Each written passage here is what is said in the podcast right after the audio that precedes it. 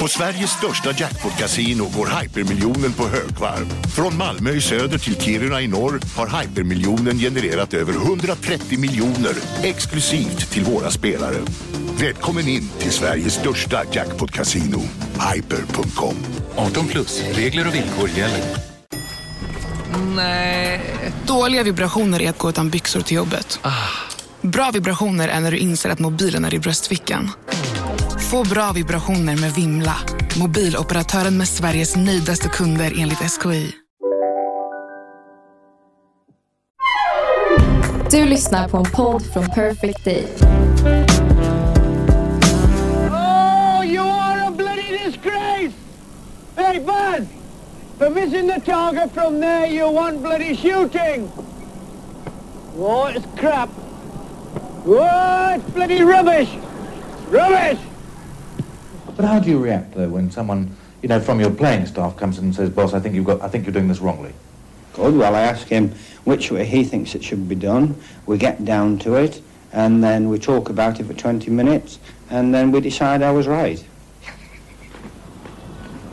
First of all, I think we've got more skillful players than you to take corners. And secondly, you're the, one of the best in the club. Get in there. That's what I pay you for. Och nu måste väl alla runt omkring och medierna undrar hur det här var möjligt? Ja, men såklart. Vad är hemligheterna bakom? Vilken eh, enormt utslagsgivande träningsmetodik är det som har lagt grunden för ännu ett mirakel som tycks vara under uppsegling?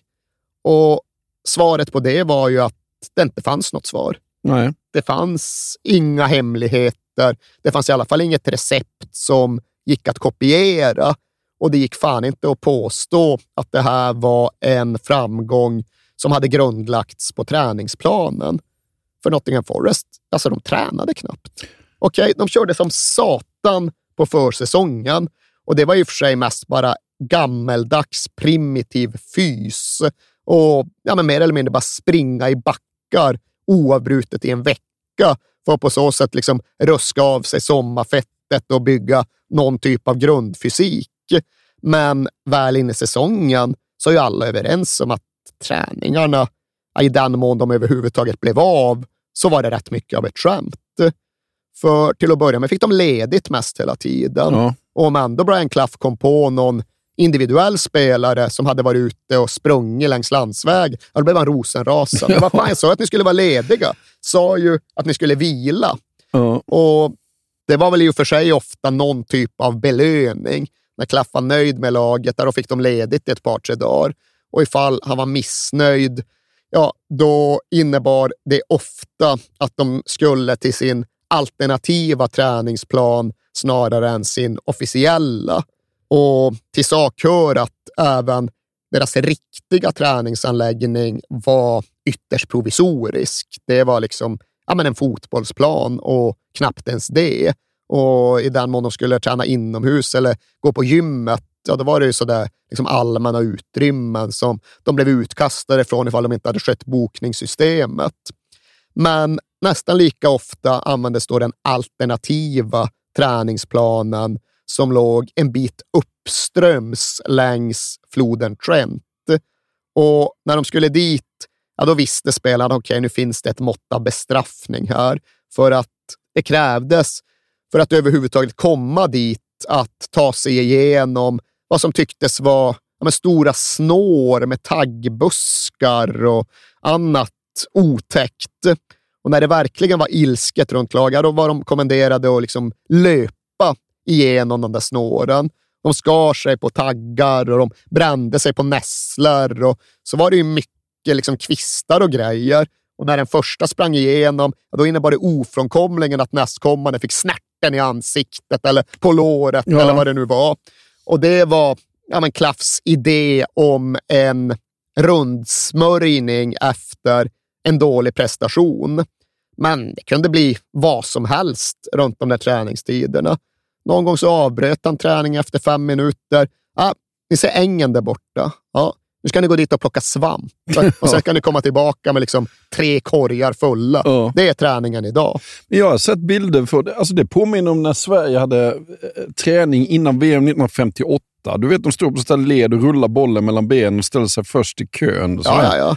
Det var inga så innovativa metoder i framkant, utan i den mån de överhuvudtaget tränade, då var det ju sånt. Ja. Och så var det såklart mycket spel. Ja, nu kör vi åtta mot åtta, ut med bollen och rullar den och så är det först till fyra. Liksom. Ja. Den typen. Men totalt sett få träningstillfällen med, för den delen, låg intensitet egentligen hela säsongen igenom.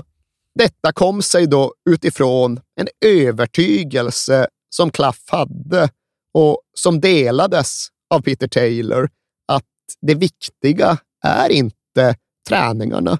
Det viktiga är inte hur den ena veckan leder in i den andra veckan, utan det som betyder någonting och det som gör skillnad, det är liksom mer övergripande och långsiktig strategi.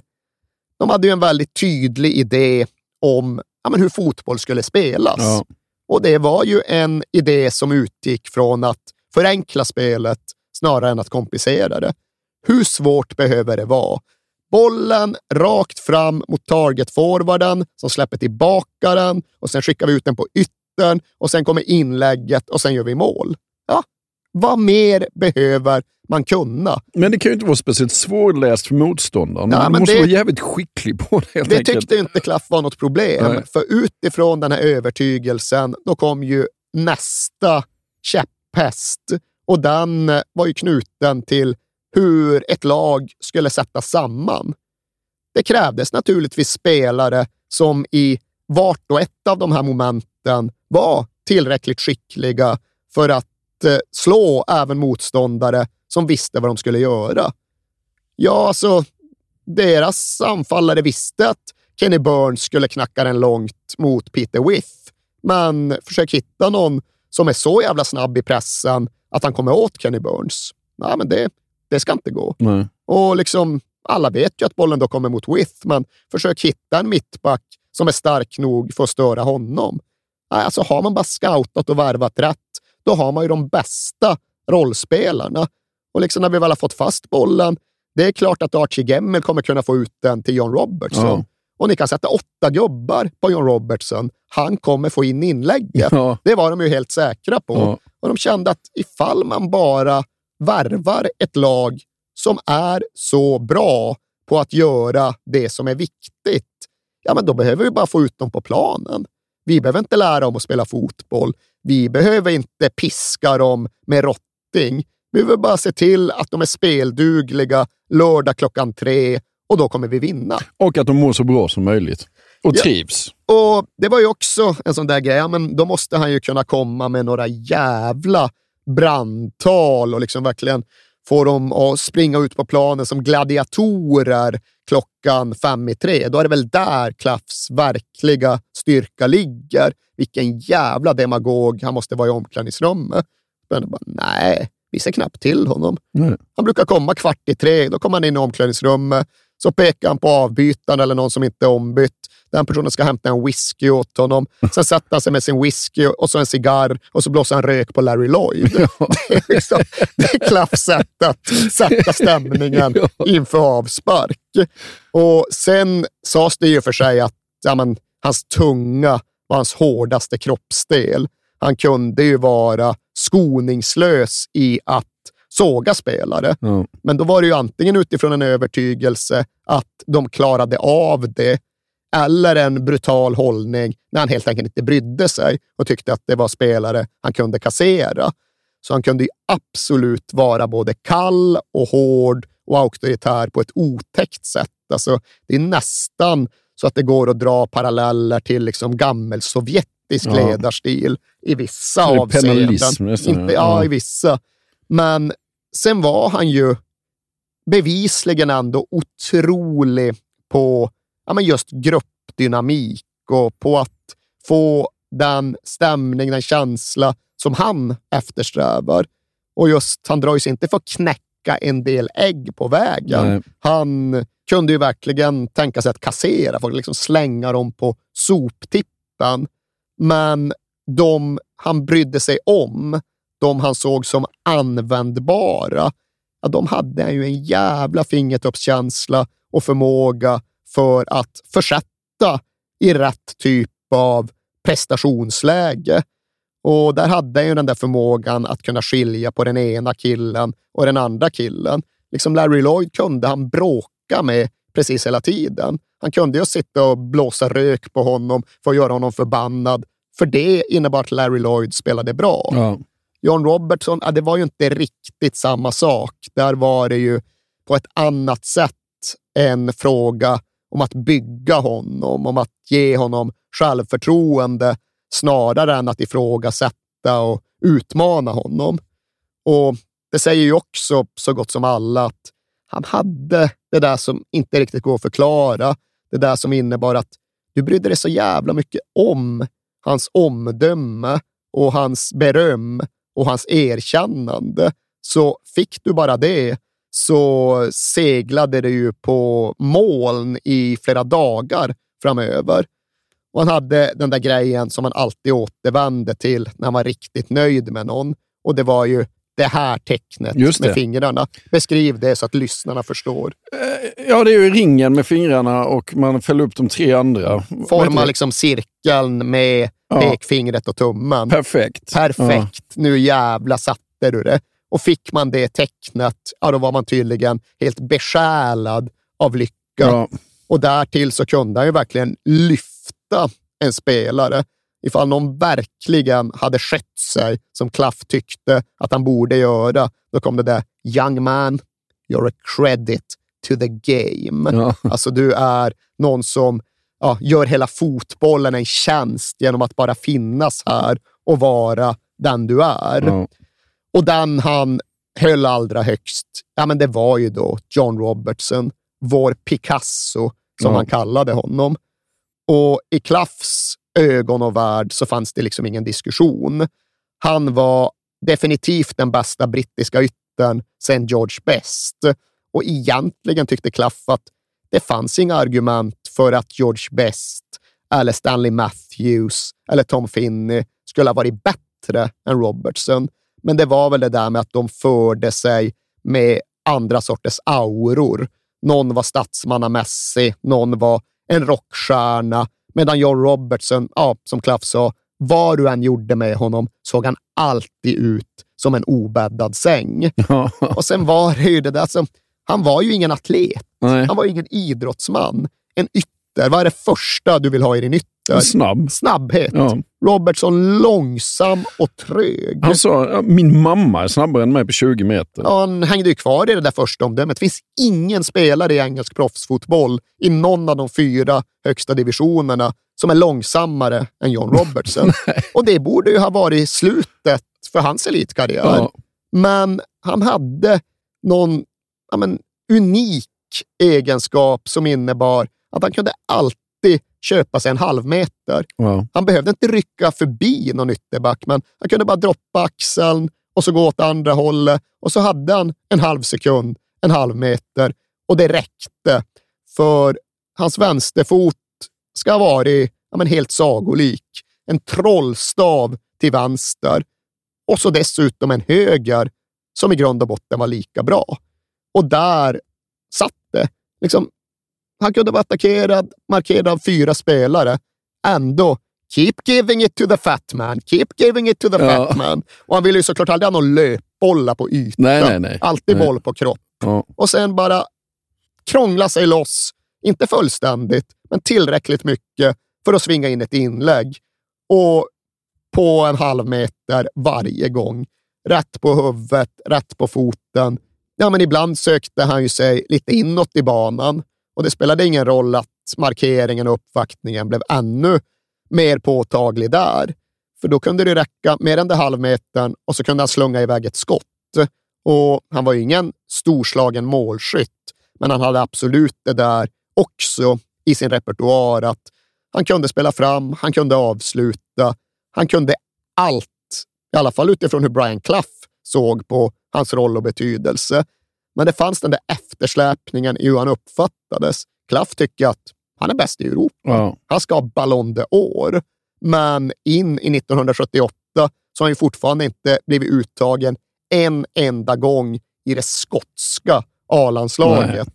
Så det fanns ingen samsyn på hans briljans, men det blev ju tydligare och tydligare att det verkade vara Klaff och Peter Taylor som hade en korrekt bild alla andra som faktiskt inte fattade.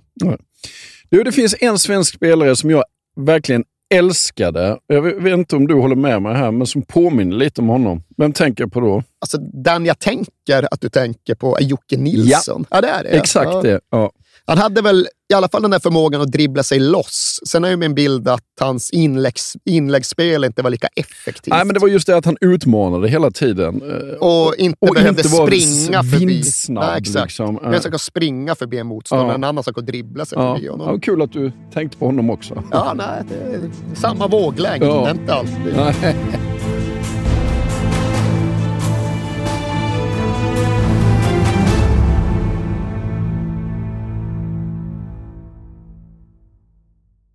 Jag vill inleda med att säga att det är garanterad jackpot på 13 miljoner på Stryktipset. Och fy fasen. Ja, visst. Skulle du behöva 13 miljoner eller? Ja, det skulle jag verkligen. Men vi måste säga först att vi är ju sponsrade av Stryktipset. Ett spel från Svenska Spel, Sport och Casino för dig över 18 år. Yes, och stödlinjen.se finns där för dig om du har problem med ditt spelande. Nej, men 13 miljoner jackpot på Stryktipset, det är ju inte fel. Nej, då är det faktiskt dags att ladda en rejäl rad här känns det som. Mhm. Vet du vad som inte heller är fel? Nej. Födelsedagsfirandet och alla härliga Mm. historier vi får in. Exakt, Mm. för vi är ju mitt inne i Stryktipsets 90-årsfirande som vi firar med att läsa upp fantastiska historier från våra lyssnare Yes. som skickar in dem till kings at perfectdaymedia.se. Precis, bomba på nu. Det är åtta månader kvar på det här firandet, så att, eh, vi kör nu. Mycket Stryktipshistorier vill vi ha Mm. och i dagens har vi fått från Peter som skriver så här. Hej på er och tack för en helt otrolig podcast. Den har räddat mina veckor i snart fyra år. Tack så mycket Peter. Min historia är ganska färsk, men den om när det vände på stopptid gav kanske inte de största pengarna, men känslan i mig består. Jag spelar ofta för lite mindre pengar på Stryket, följer fotbollen men är långt ifrån en nörd. Och allt såg väldigt bra ut senast, förutom på min etta på Manchester United mot Brentford. Var ändå väldigt, eh, var ändå väldigt nöjd med hur resten satt. Men på stopptid satte min nya favoritspelare, skotten McTominay, två mål och vändningen fullbordades. 64 rader blev 12 000 kronor. Tack för en bra Det är podd. otroligt. Ja. Tack för en bra historia Peter. Ja, och som man älskar Scott McTominay. Gör man inte det? Ja, det, gör man faktiskt. Han- Han liksom kommer in i straffområdet jävligt bra faktiskt. Mm. Vi säger stort tack till våra vänner på Stryktipset. Tack.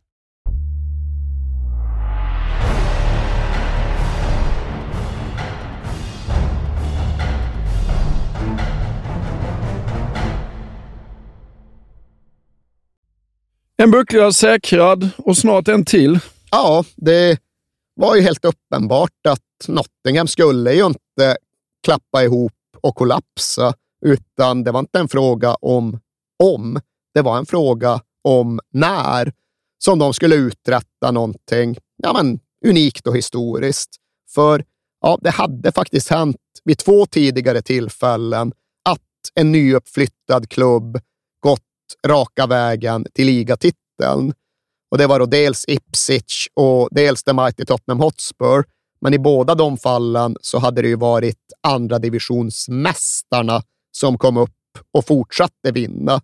Här var det återigen tredje placerade gänget från division 2 som nu ja, sveper högsta ligan framför sina fötter. Redan med ja, men, månader kvar av serien så närmar sig den definitiva kröningen. Blir det med sex omgångar kvar? Nej, fem? Nej, fyra?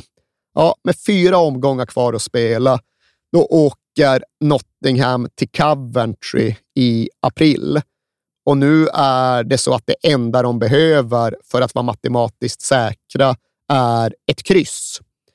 Vet du hur Klaff kommenderar sina spelare att eh, liksom ladda upp under timmarna precis före avspark? Ta ett glas va? Japp. Ja. Exakt så. Och detta verkställdes, men så vitt jag vet ändå bara ett eller Ja. möjligen två glas. Men hans spelare ska inte vara tagna av stundens allvar. Sen gör de ju för ingen fantommatch här heller och hänger lite mot repen och räddas till sist av gorillan i buren. Ja. Och det här är ju då situationen som har givit Peter Shilton hans eget Gordon Banks-ögonblick. Det i alla fall så han själv och många andra ser på saken när han lyckas parera en nick av Mick Ferguson på väldigt nära håll. ja, det är fan inte Gordon Banks. det är ju inte Nej. det. Det var dit jag också Ja. var på väg. Ja. Att lite överskattat. Ja, verkligen. För liksom nicken kommer ju rakt på honom. Det är Bra- bara, visst, det är bra Bra reflexer få upp händerna. Ja, liksom. ja. Men det är verkligen inte Gordon Banks. Nej. Får väl lägga ut den på WWK Ja. Podcast, men lite vi- överskattad räddning. Vi lägger ut det här så, får, så har vi en omröstning. Vilken är bäst?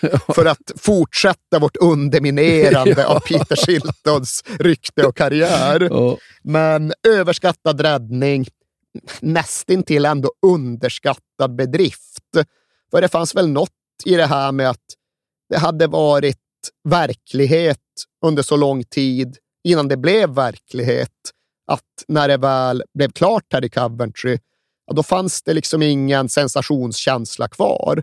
Då var det bara bekräftelsen av ett redan fastställt faktum. Och den kom någonstans lite för gradvis, den här ligatiteln, för att få den här mirakelstämpeln som den sannoliken förtjänade. Det blev att folk behandlade det som en naturlig följd av säsongen som spelats och glömde bort hur jävla otrolig vägen dit faktiskt ändå hade varit. Ja. Och liksom Brian Clough, ja, det hade funnits tränare före honom som hade vunnit ligan i olika klubbar. Men då är det liksom tillbaka till så här 1930-talet och Herbert Chapman som förlöser Arsenal. Men ja, vad vi nu än tycker om Arsenal och deras historia i olika delar av London, Ja. så var ju det en huvudstadsklubb med kraft. Ja. Jamie Clough, alltså han hade tagit två obetydliga provinsklubbar i andra div- divisionen två gånger om. Provinsklubbar, då snackar vi typ Örebro och Halmstad i Ja, Sverige. ja. absolut, Ja. ifall vi ska överföra. Då får ju plötsligt Roy Hodgson, ifall vi pratar Örebro och Halmstad. Ja. Men, ja, Örebro gjorde han ju faktiskt aldrig till mästare. Nej. Men Men den, den storlek, eller alltså den, ja. Ja, och, alltså idag är det svårt att jämföra med den engelska andra divisionen 2022, för nästan alla de klubbarna har ju nu varit uppe i Premier League och studsat någon gång och fått lite globalt strålkastarljus. Ja. Så de är mer välkända nu än vad 70-talets motsvarigheter var. Men, ja men, säg Coventry City och Bristol City ja. liksom typ den digniteten Ja. på klubbar. Och så raka vägen upp. Och så hela vägen till ligatiteln. Och så vidare ut i Europa. Och ja, det borde ju ha behandlats som jordens åttonde underverk redan där och då. Men England, nationen och för den delen Nottingham, ja, men gick rätt mycket upp dagen efter och mätte söndagen som en härlig dag bland andra. Och till detta bidrog definitivt Brian Clough. För det där var också en sån där lite, ja, men nästan motsägelsefull märklighet. Att när hans lag väl hade vunnit, ja, då var det ju inte José Mourinho på Camp Nou. Nej. Liksom ut och springa ärevarv och liksom peka på sig själv och peka på gräset och peka på Gud i himlen och bulta bröst och liksom visa upp sig. Utan ja, då var det ju rätt mycket bara ta bucklan, sen knalla därifrån och gå hem och lägga sig. Åk till Mallorca kanske. Åka till Mallorca eller ifall de hade vunnit på Wembley, brassa raka vägen hem. Ja. Han satte stolthet i att vid något tillfälle ha hunnit ta emot bucklan på Wembley, släpa ut sina spelare från firandet, få busschauffören Albert att trycka plattan i mattan och på så sätt hinna hem till Nottingham ja, men i tid för kvällsteet. Jaha. Han hade någon gång, ja, men jag hade bucklan med mig och kunde ställa upp den på min tv-apparat och sätta mig där och kolla på, jag tror det var halv åtta-nyheterna. Och liksom matchen på Wembley, den började i tre, så den är slut strax före fem. Och då lyfte han väl bucklan fem. Att därifrån hinna hem till fåtöljen i tid till halv åtta-nyheterna. Kunde han inte släppa loss lite mer? Ja, men det var någonting. Och här också. Liksom. Ja. Nu har ni vunnit ligan med Nottingham. Det har aldrig tidigare hänt. Du har gjort något som aldrig upprepats. Ja, morgonen efter, då ställde Klaff klockan tidigt som satan och så anslöt han sig till tidningskiosken, alltså The News Agent, som hans brorsa tydligen drev. Och så ställde han sig där och körde ett arbetspass. Liksom hjälpte till att sälja tidningar och cigaretter. Ja, det är snyggt. Ja, Det, det är något. Ja. Och det är ju genomtänkt och det är utkalkylerat. Ja, ja. Det kanske någonstans kommer från ja, men en ryggmärgsreflex att ja, jag vet inte, inget strålkastarljus på mig. Det är märkligt, för Ja. alltid annars skulle det vara strålkastarljus. Ja, ja, ja. Och sen tog han ju alla chanser han kunde och skrävla om sina bedrifter i efterhand. Men precis när de skedde, nej, inget överdådigt firande överhuvudtaget, utan ödmjukhet och anspråkslöshet. Och måndag på måndag. Ja. the feelings of players, you know, because we were classed as down and outs, nobodies, and uh, we went and done won the league, the first division football league, and uh, the, the jubilation between the fans. I think you know, it, I think they had a tremendous night, you know, it was a good day trip because uh, the players we certainly enjoyed it, you know, and it was a an atmosphere and feeling that I don't think I've no match.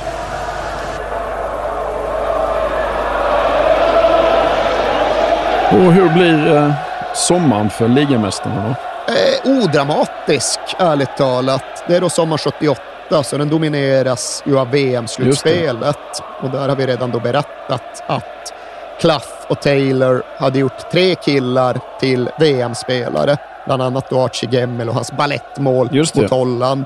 Men att förbundskaptenen hade missat att ta ut kaptenen John McGovern. Det var ju speciellt på sitt sätt.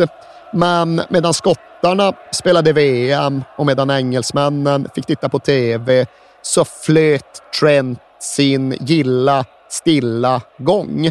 Det hände i grund och botten ingenting med Nottingham Forest innan ligabollarna började rulla igen. Men då tog Klaff ett oväntat beslut.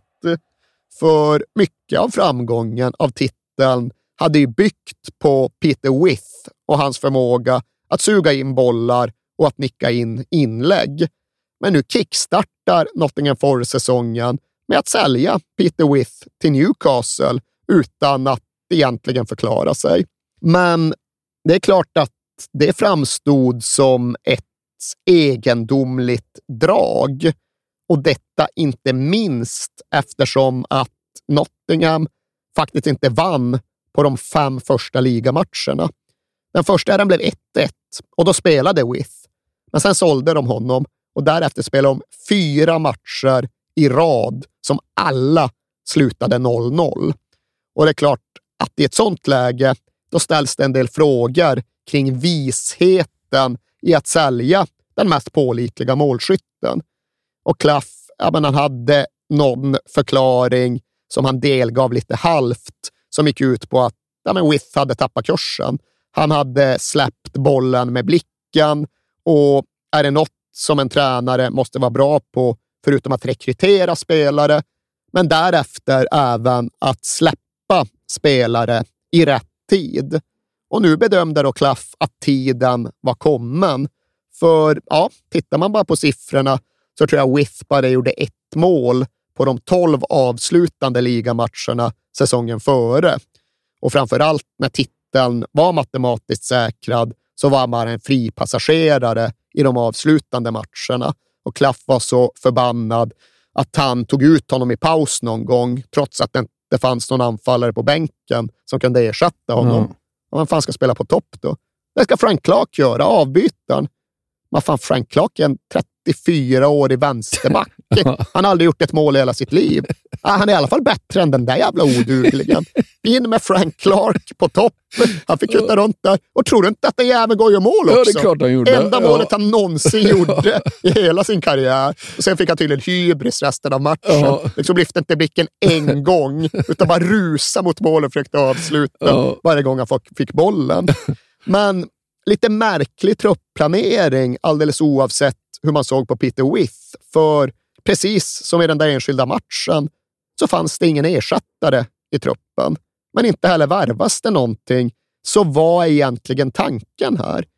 Fyra raka 0-0 matcher, anfallaren såld och ingenting in.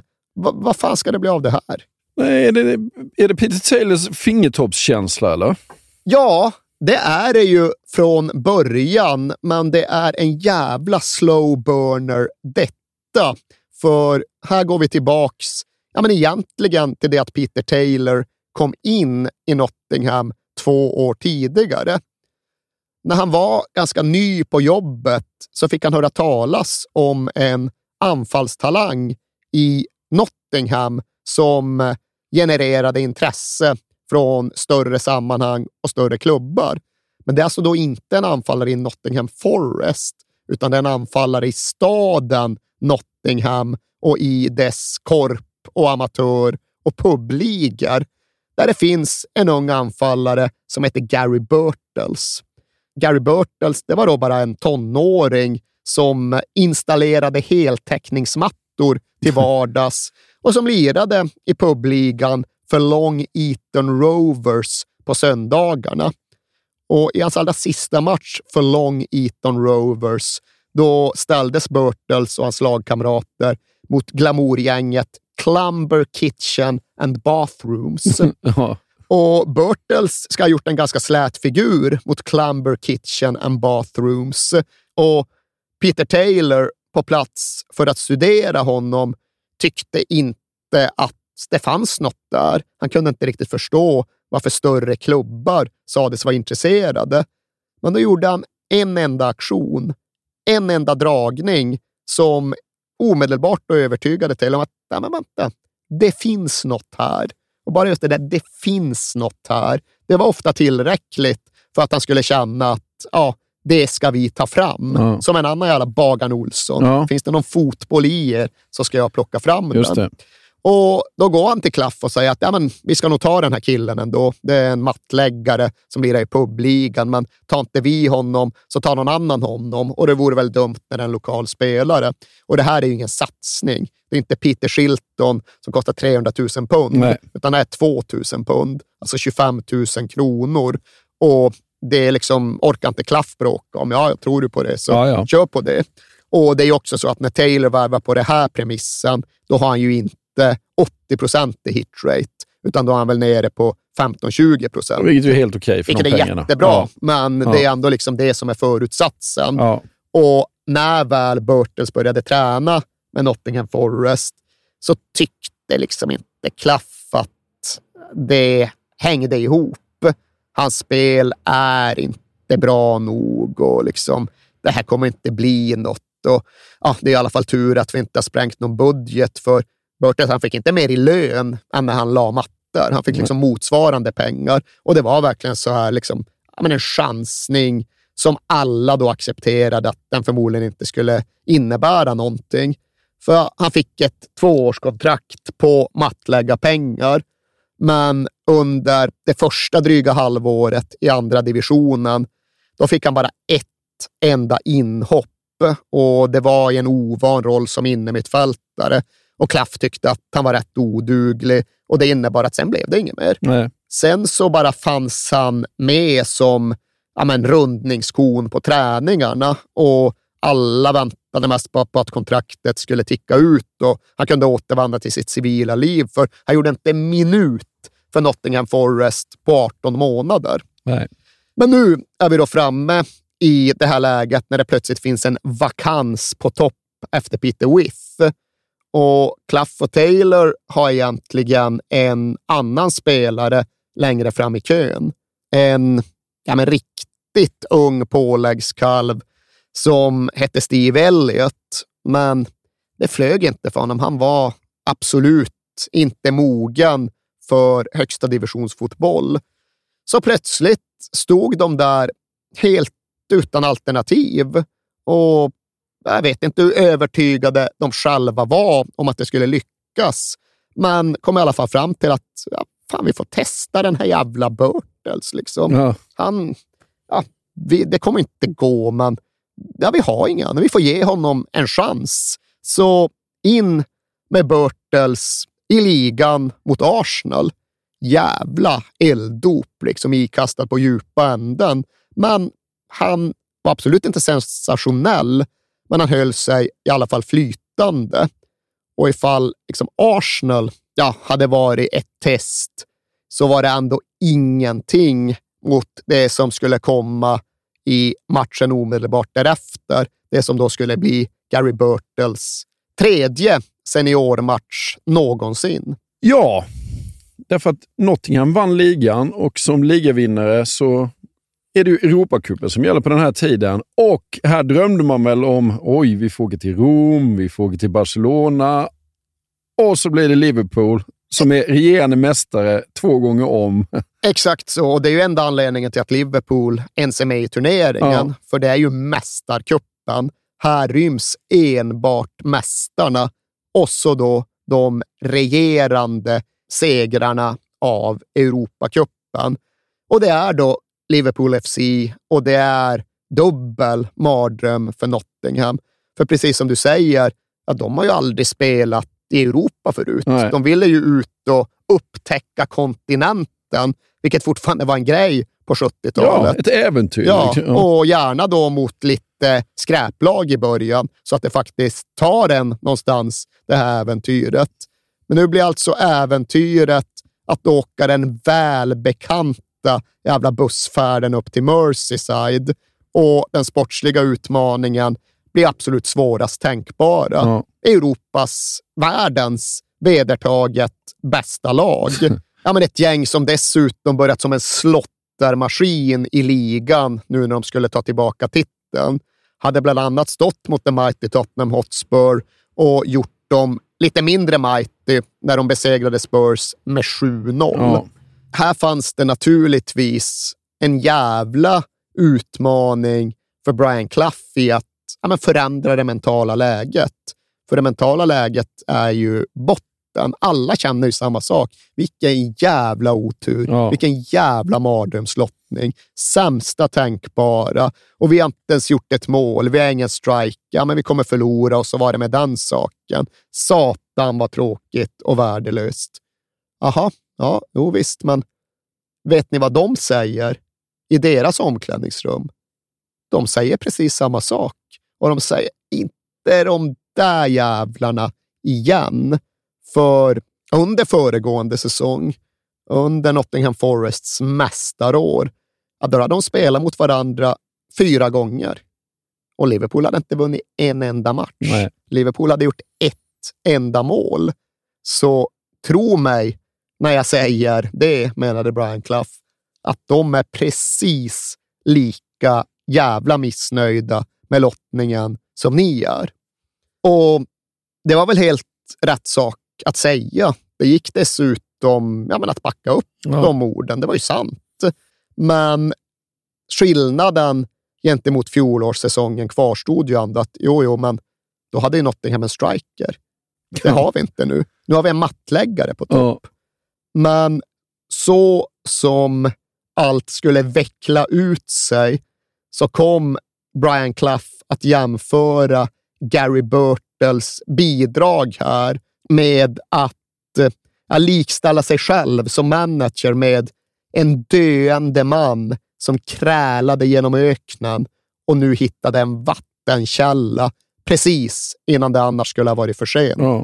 Och Gary Burtles var då denna helt osannolika vattenkälla. För han avgör den här matchen, det här dubbelmötet. Nottingham börjar hemma och naturligtvis är det Gary Burtles som gör det första målet. Really right on top of his game tonight. Oh, Bowyer, little flicker! Woodcock and Burt! Burton! goal for Nottingham Forest, and it had to be in the European Cup. 1 nothing. This ball stabbed through by Bowyer. Woodcock looked as though he was on his way. Hughes calling for offside. Thompson skint and Bertels into an empty net.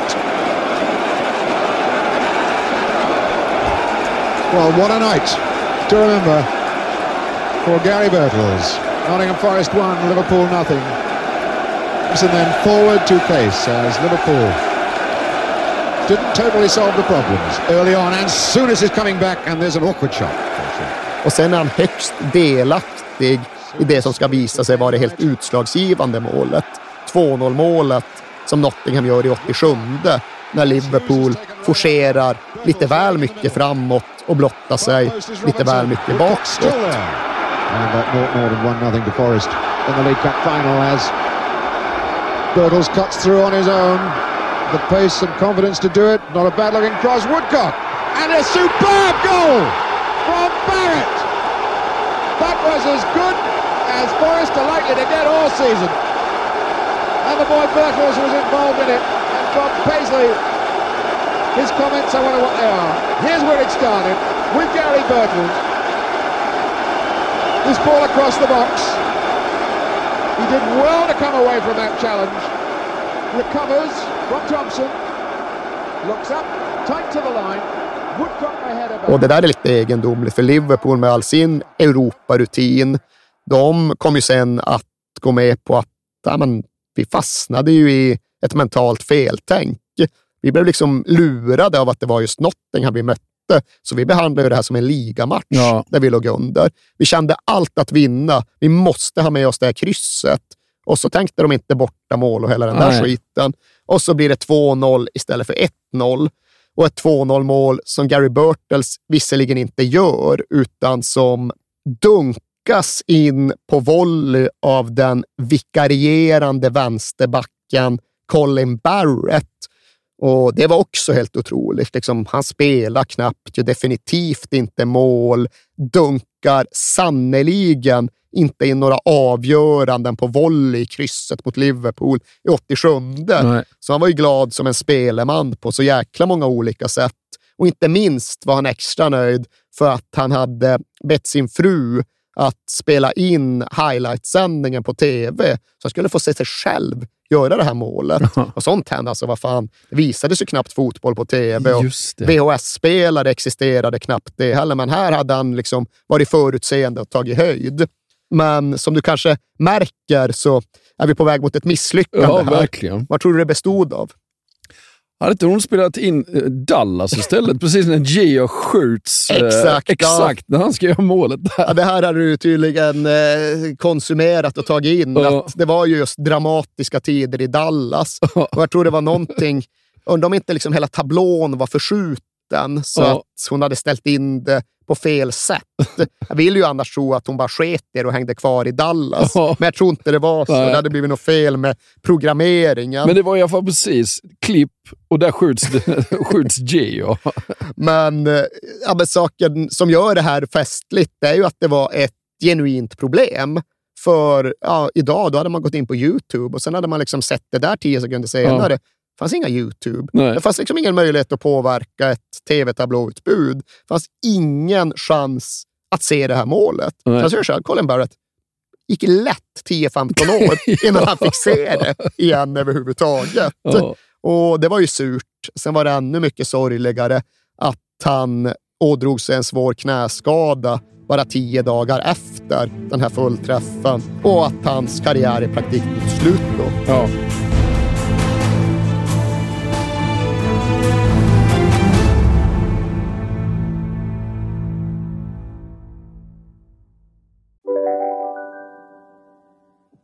Välkommen till Momang, ett nytt smidigare casino från Svenska Spel, Sport och Casino där du enkelt kan spela hur lite du vill. Idag har vi en stjärna från spelet Starburst här som ska berätta hur smidigt det är.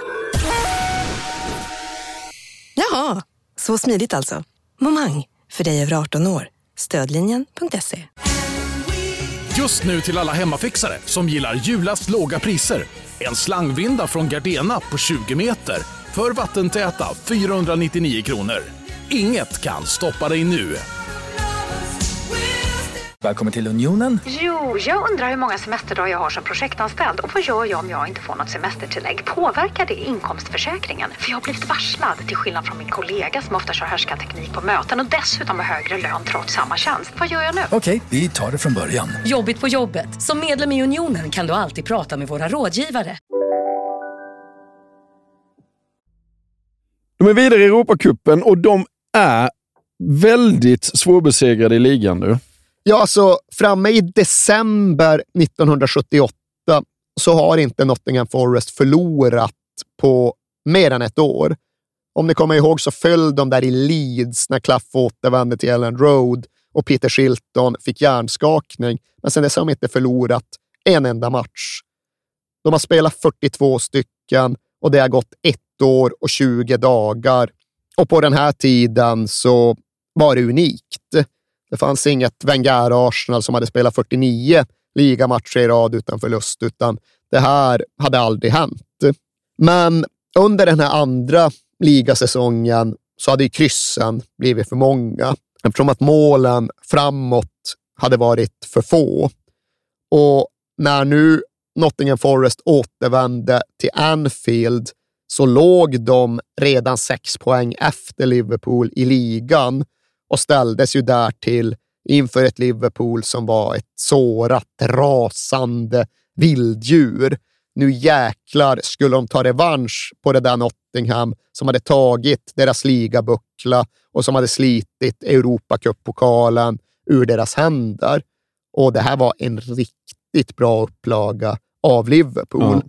Liksom trotjänare som Alan Hansen och Graham Souness, de refererar till just det här laget som ja, men kanske det bästa Liverpool-lag som de någonsin spelade i, Ja. som kanske någonsin hade funnits överhuvudtaget. Och därtill så var det uppiskat en stämning på Anfield som även den beskrivs som historisk. När var stämningen på Anfield som allra bäst? Ja, folk i vår generation hänvisar väl till Champions League-semin mot Chelsea 2005, spökmålet av Luis Garcia, allt det där. Mm. Men de som är en eller två generationer äldre, ja, många av dem pekar på ligamötet mot Nottingham i december 1978. Och här är det också bara att acceptera att Liverpool plöjer faktiskt över Nottingham Forest. De sveper dem åt sidan och Terry McDermott gör två mål, varav ett är en jävla drömpåse. Och det är liksom ingen diskussion. Men trots detta så valde Brian Clough att för första och enda gången någonsin ställa sig vid sidlinjen och applådera sina egna spelare av planen. Och det var ju inte så mycket för matchen i sig, utan det var, det var någonstans för hela sviten. Ja. Tack ska ni ha för 42 ligamatcher över ett drygt år. Och det är ju inget som ger någon buckla eller ens någon plakett, men lite då och då, beroende på sinnesstämning, så brukade Klaff själv hänvisa till just den här sviten som hans allra största bedrift som manager. Och den här säsongen skulle de bara förlora vid två ytterligare tillfällen. Men det räckte inte för Liverpool var så jävla bra att ligan redan var körd och de skulle sluta tvåa utan att kunna göra någonting åt Liverpool längst där framme och högst där uppe. Och om vi tar oss tillbaka till Europacupen så får de, nu, nu är det en rätt tuff lottning i semifinalen här. Ja, det kan man ju tycka, för det är FC Köln som har vunnit dubbeln i Tyskland och som ju har en handfull landslagsmän. Och Det är ju liksom- Bernt Schuster. Liksom. Ja, ung Bernt Schuster, Harald Schumacher, Dieter Müller. Men det är också tydligen genomgående det här att alla har ju förtroende för Peter Taylors fotbollsöga. Han anses ju kunna se och bedöma saker som ingen annan. Och han sätter i system, oavsett om det är en ärlig uppfattning eller någon form av mental manöver, att alltid komma tillbaka från sina scoutingresor i Europa och säga att motståndet är värdelöst. Ja. Nej, helt ofarliga. Ingen snabbhet. Det är ofta en grej. Liksom. Är de bra? Nej, ingen snabbhet. Okej då. Inget tempo? Nej, nej okej. Det kanske är så. Och det hade de då fått höra in i den här matchen. Så går de ut på en jävla leråker som City Ground har förvandlats till. Och det, det är ju också något genomgående i allting man ser, att fy fan vad det är dåliga planer. Ja, sen den här, alltså för en Europacup-semi, Ja. är ju Ja, anmärkningsvärt men du ser inget gräs knappt. Ja, men jag vet inte fan om det är Trent som har svämmat över eller vad det är, men alltså det är, det är led, det är gyttja. Ja. Och då tror man, okej, det kommer väl också leda till liksom mer fysiskt, mer långsamt spel, kommer passa Nottingham. Ja. Men nej, Köln de spelar liksom på maxvarv första halvtimmen. Forrest hinner inte alls med. De går upp till 2-0-ledning och där är det ju väldigt nära att vara kört. Ja. För släpper du in en massa bortamål på den här tiden, det är lång väg tillbaka. Men det är ju också något som detta Nottingham Forest har, att de har en jävla förmåga att resa sig. Spelar ingen roll om de hamnar i underläge, de bara kör på och sen vänder de matcher åtta gånger av tio i alla fall. Och nu är det Gary Burton som reducerar, Ian Boye som kvitterar och så såklart då John Robertson som ger dem ledningen, men för honom väldigt sällsynt nick. Ja. Och det var ovanligt att han nickade in bollar, men det blev också extra minnesvärt för att det var så jävla emotionellt starkt för honom just de här dagarna. Det var nämligen så att bara några dagar tidigare, jag tror det var på natten mellan lördag och söndag, och den här matchen spelas väl på onsdagen, så hade han väckts mitt i natten av telefonen och fått besked om att hans egen bror och hans fru hade blivit ihjälkörda uppe i Skottland. Fan. Och hans åttaåriga brorsdotter var då den enda som överlevde. Åh. Och hon skulle behöva tas om hand framöver. Och det är klart att John Robertson insåg, kände ett stort behov av att hjälpa till. Ja. Och där kan man ju hantera det på, det finns inget rätt och fel här, men Robertson själv menar ju att ännu en situation där Brian Cloughs storhet skiner igenom. För ja, men han var ju precis så, du känner efter, du bestämmer, du agerar helt själv. Begravningen, naturligtvis, liksom, åk upp till Skottland, var borta så länge du behöver, så länge du vill. I will see you when, we, when you return, whenever that is. Och det här är med två dygn kvar till en Europacup-semi. Och kanske kommer John Robertson, kanske kommer han inte. Kanske är han fokuserad på rätt sätt, kanske flyger tankarna iväg fullständigt. Men ja, vad är rätt? Vad är fel? Vad funkar? Vad funkar inte? På något sätt hitta Klaff och Robertson fram till en situation där han i alla fall vill spela fotboll och där han dessutom presterar på fotbollsplanen. Och det är naturligtvis inte det viktiga, men han spelade i hög utsträckning utifrån den här klassiska idén om att ja, men det är vad brorsan hade velat. Och han hade inte uppskattat ifall jag satt hemma och tyckte synd om mig själv snarare än att ge mig ut på plan och spela Europacup-semifinal och göra mål på tyskar. Det är vad han hade velat och den bedömningen hade han säkert fog för, Ja. John Robinson.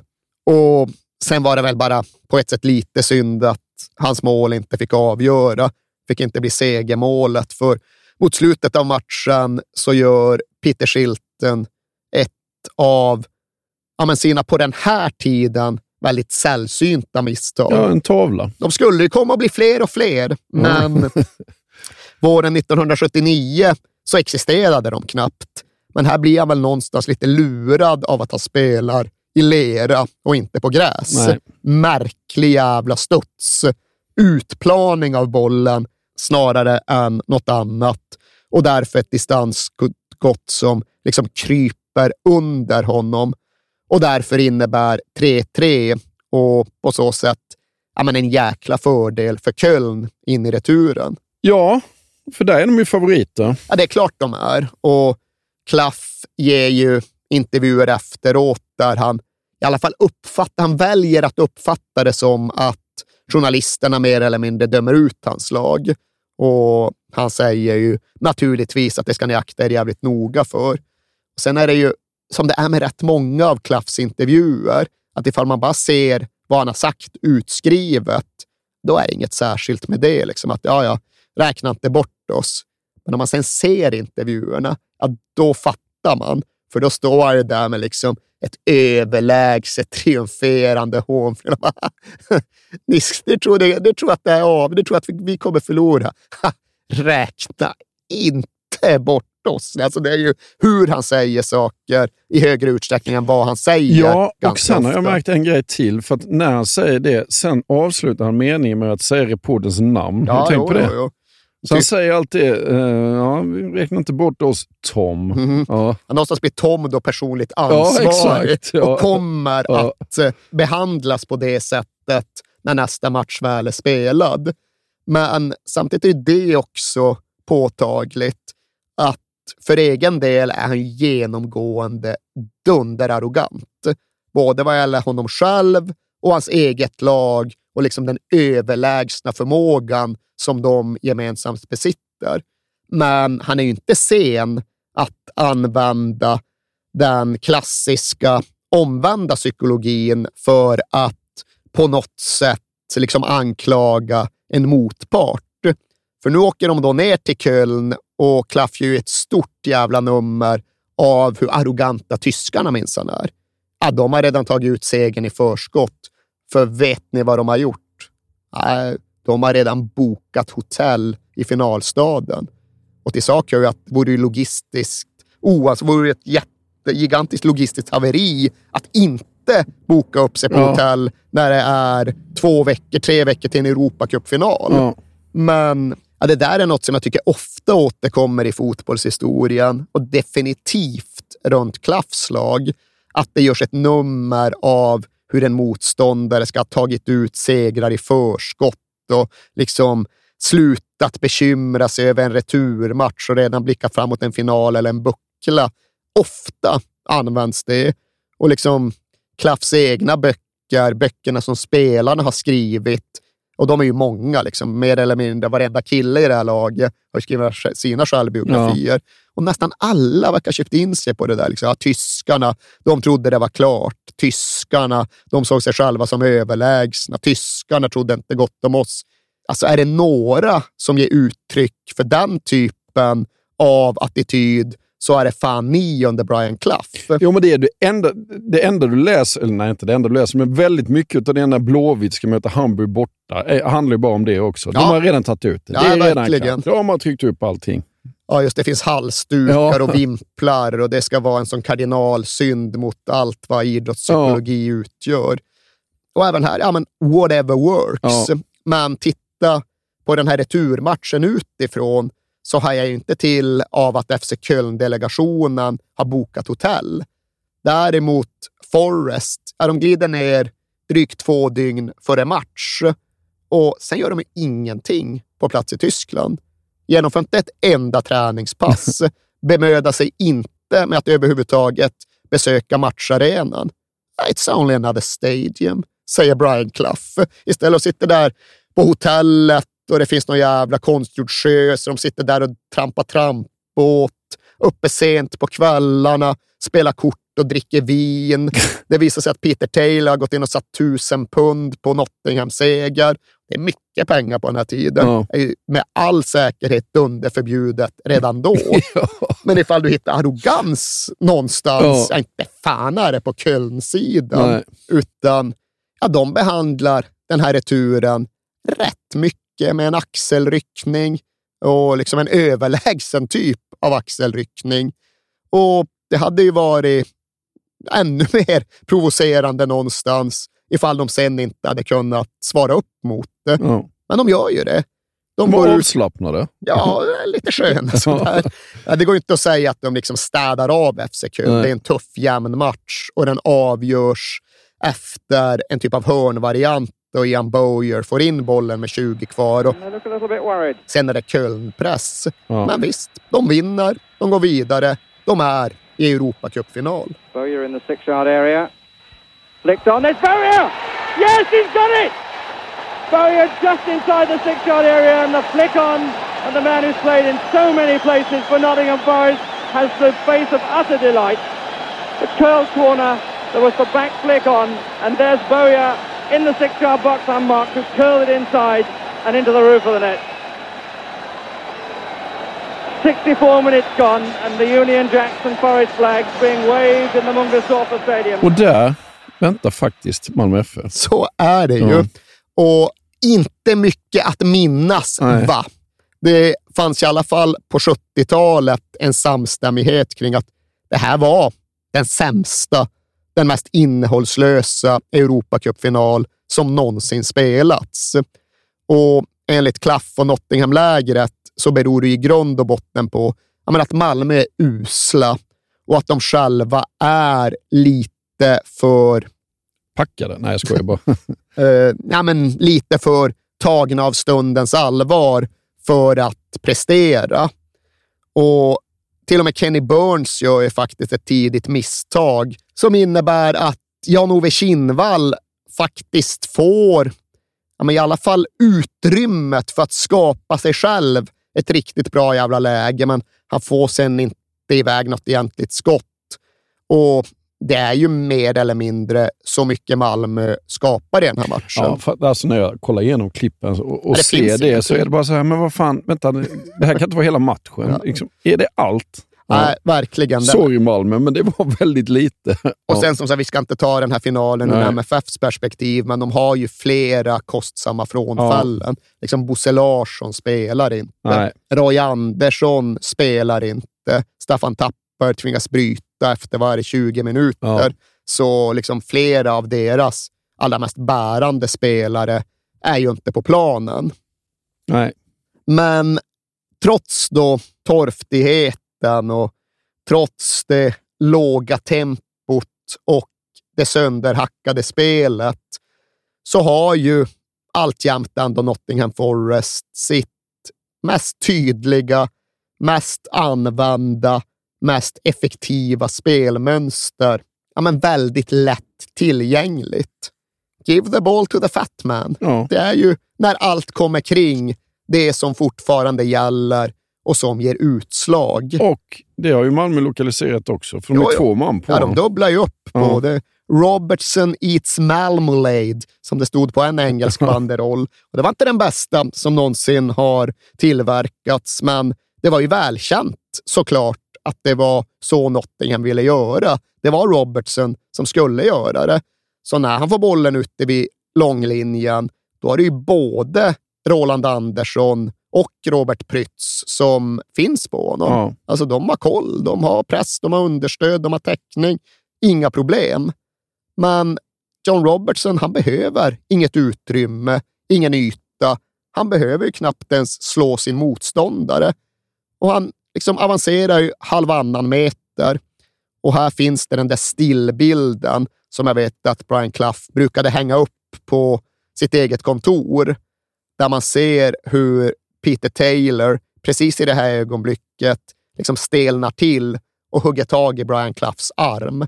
För han vet, de vet, att John Robertson har fått sin halvmeter och då kommer bollen att komma in. Då kommer inlägget att piskas med kvalitet. Och det vet de och det vet alla Nottingham-spelare.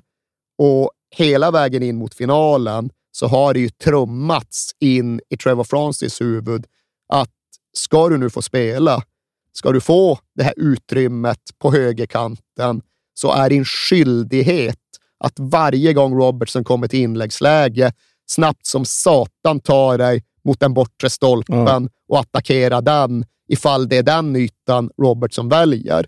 Så han vet också vad som kommer hända. Han vet vad han måste göra, för annars kommer han bli arkebuserad av Brian Clough. Så han ser ju till att eh, avancera mot den bortre stolpen.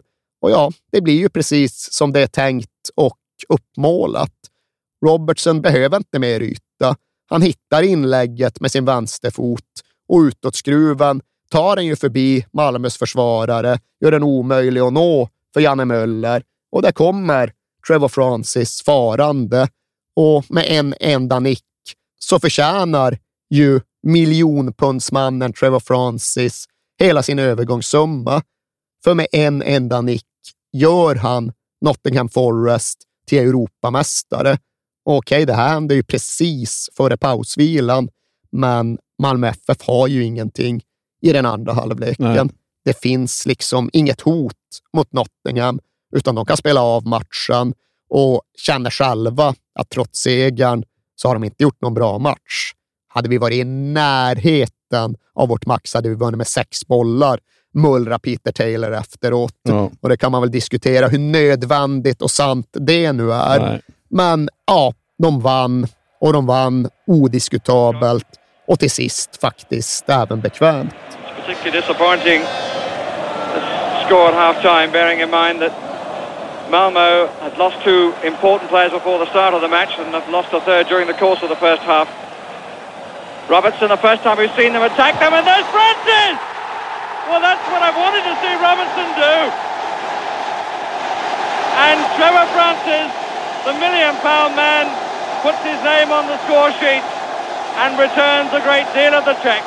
Robertson, the first time he's attacked them, used his pace, a fine cross, and in comes Francis to break the deadlock.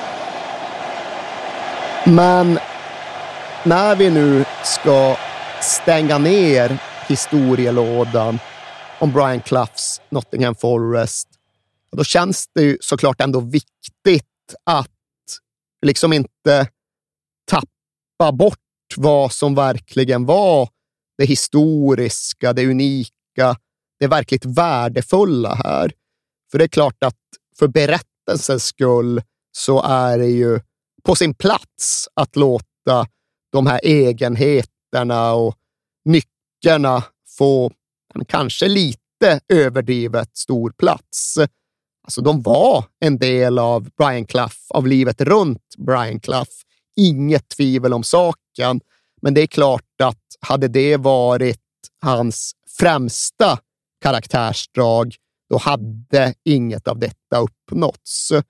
För hur han nu än tog sig dit och hur han nu gjorde och vilka märkligheter han än fastnade i längs vägen, så lyckades han bygga grupper, fotbollslag med, inte total, men på något sätt självförverkligande lojalitet gentemot både saken och honom själv. Och han var ju då tydligen en man ja, men som verkligen både var lite märklig och helt magnifik. Och jag tror ju absolut att det är på sin plats att liksom vid sidan av de här skrönorna från ett omklädningsrum där han sitter och blåser cigarrök provokativt på Larry Lloyd bara för att han kan, även foga in ja, men en del historier från det Nottingham som levde med och som levde upp av det här fotbollslaget och de här fotbollsframgångarna. Och här finns det ju några episoder som också är så att man undrar om inte det här är för bra eller i alla fall för överdrivet för att kunna vara sant, men som vi, en källkoll, visar sig hålla hela vägen. Och det ena jag då kommer att tänka på, det är något som då tydligen hände bara några månader före den här andra Europacup-segern. För då hör de av sig från stadens hospice till Brian Clough, alltså hospice-institutionen där du vårdas i väntan på din död. Ja. De hade ett jäkla bekymmer för en av deras intagna borde inte vänta in sin död. Hon var inte gammal, hon var inte sjuk, men hon var en 47-åring som nyligen hade blivit änka och som därefter inte såg något skäl till att leva vidare. Barbara Taylor hette hon tydligen och när Klaff blev kontaktad av personalen på detta hospice, då vägde hon knappt ens 30 kilo. Hon hade svält sig själv, hon hade slutat äta och det spelade ingen roll vad någon vårdperson eller psykolog eller kurator sa till henne. Hon hade levt klart. Hon ville möta döden. Men så övertalades hon att ta emot telefonluren, för Brian Clough var i andra änden. Och sen pratade de i en halvtimme Och sen började Barbara Taylor äta igen med avsikt att bli frisk igen. Och hon finns ju då citerad med både namn och bild där hon beskriver samtalet med Brian Clough. Jag har aldrig känt sån ömhet. Han har givit mig viljan att leva vidare. Och därefter gick det väl knappt ens ett halvår innan nästa, ja, men lite parallella historia inträffade i Nottingham. Brian Clough körde bil från arenan till hemmet när han åkte förbi en av broarna över floden Trent och där var det stor palaver. För det var någon ung man som hade klättrat upp på räcket och skulle kasta sig ner mot sin död, mot ett självmord. Och Clough går fram. Han liksom förhörs om vad som pågår, får berättat för sig att ja, men polisen, förhandlare, krismänniskor som har kallats in, ingen når fram till den här killen. Han ska ta livet av sig och det verkar inte finnas någon person eller några ord som kan få honom att ändra sig. Okej, okay, säger Brian Clough. Och så går han fram och så börjar han prata och så förstår ni själva sedan resten. Ja. Killen klättrar ner från räcket, återvänder till bron, till livet och ska enligt rapport liksom vara glad i hågen när han sen knallar därifrån. Jag ska inte säga studsande och visslande, men på liksom bra humör. Ja. Och detta efter, inte vet jag, 10-12 minuter med Brian Clough. Ja. Och återigen, hade det inte funnits så väldokumenterat att det gick till på ganska exakt det här sättet så hade man ju bara avfärdat det. Ja. För så kan det väl inte vara. Men så var det tydligen med Brian Clough. Och hur det går till, det kommer ju ingen kunna förstå eller än mindre förklara. Men någonstans måste det väl vara där som allt ifrån utgick. Men fan var Brian Clough, vad var det han gjorde? Vem vet egentligen? Han gjorde allt det här, han gjorde allt det här, gjorde detta och detta och det var svårt att förstå sig på. Men han hade även förmågan att få människor som ville möta döden att tvärvända och istället leva vidare. Och har man den förmågan, då kan man säkert även få fotbollslag att göra det omöjliga. Att gå från andra divisionens anonymitet till att bli bäst i England, bäst i hela Europa. Gå med mig. Bakom skuggor ser du solen. Och när du tvivlar ser du modet. I mina ögon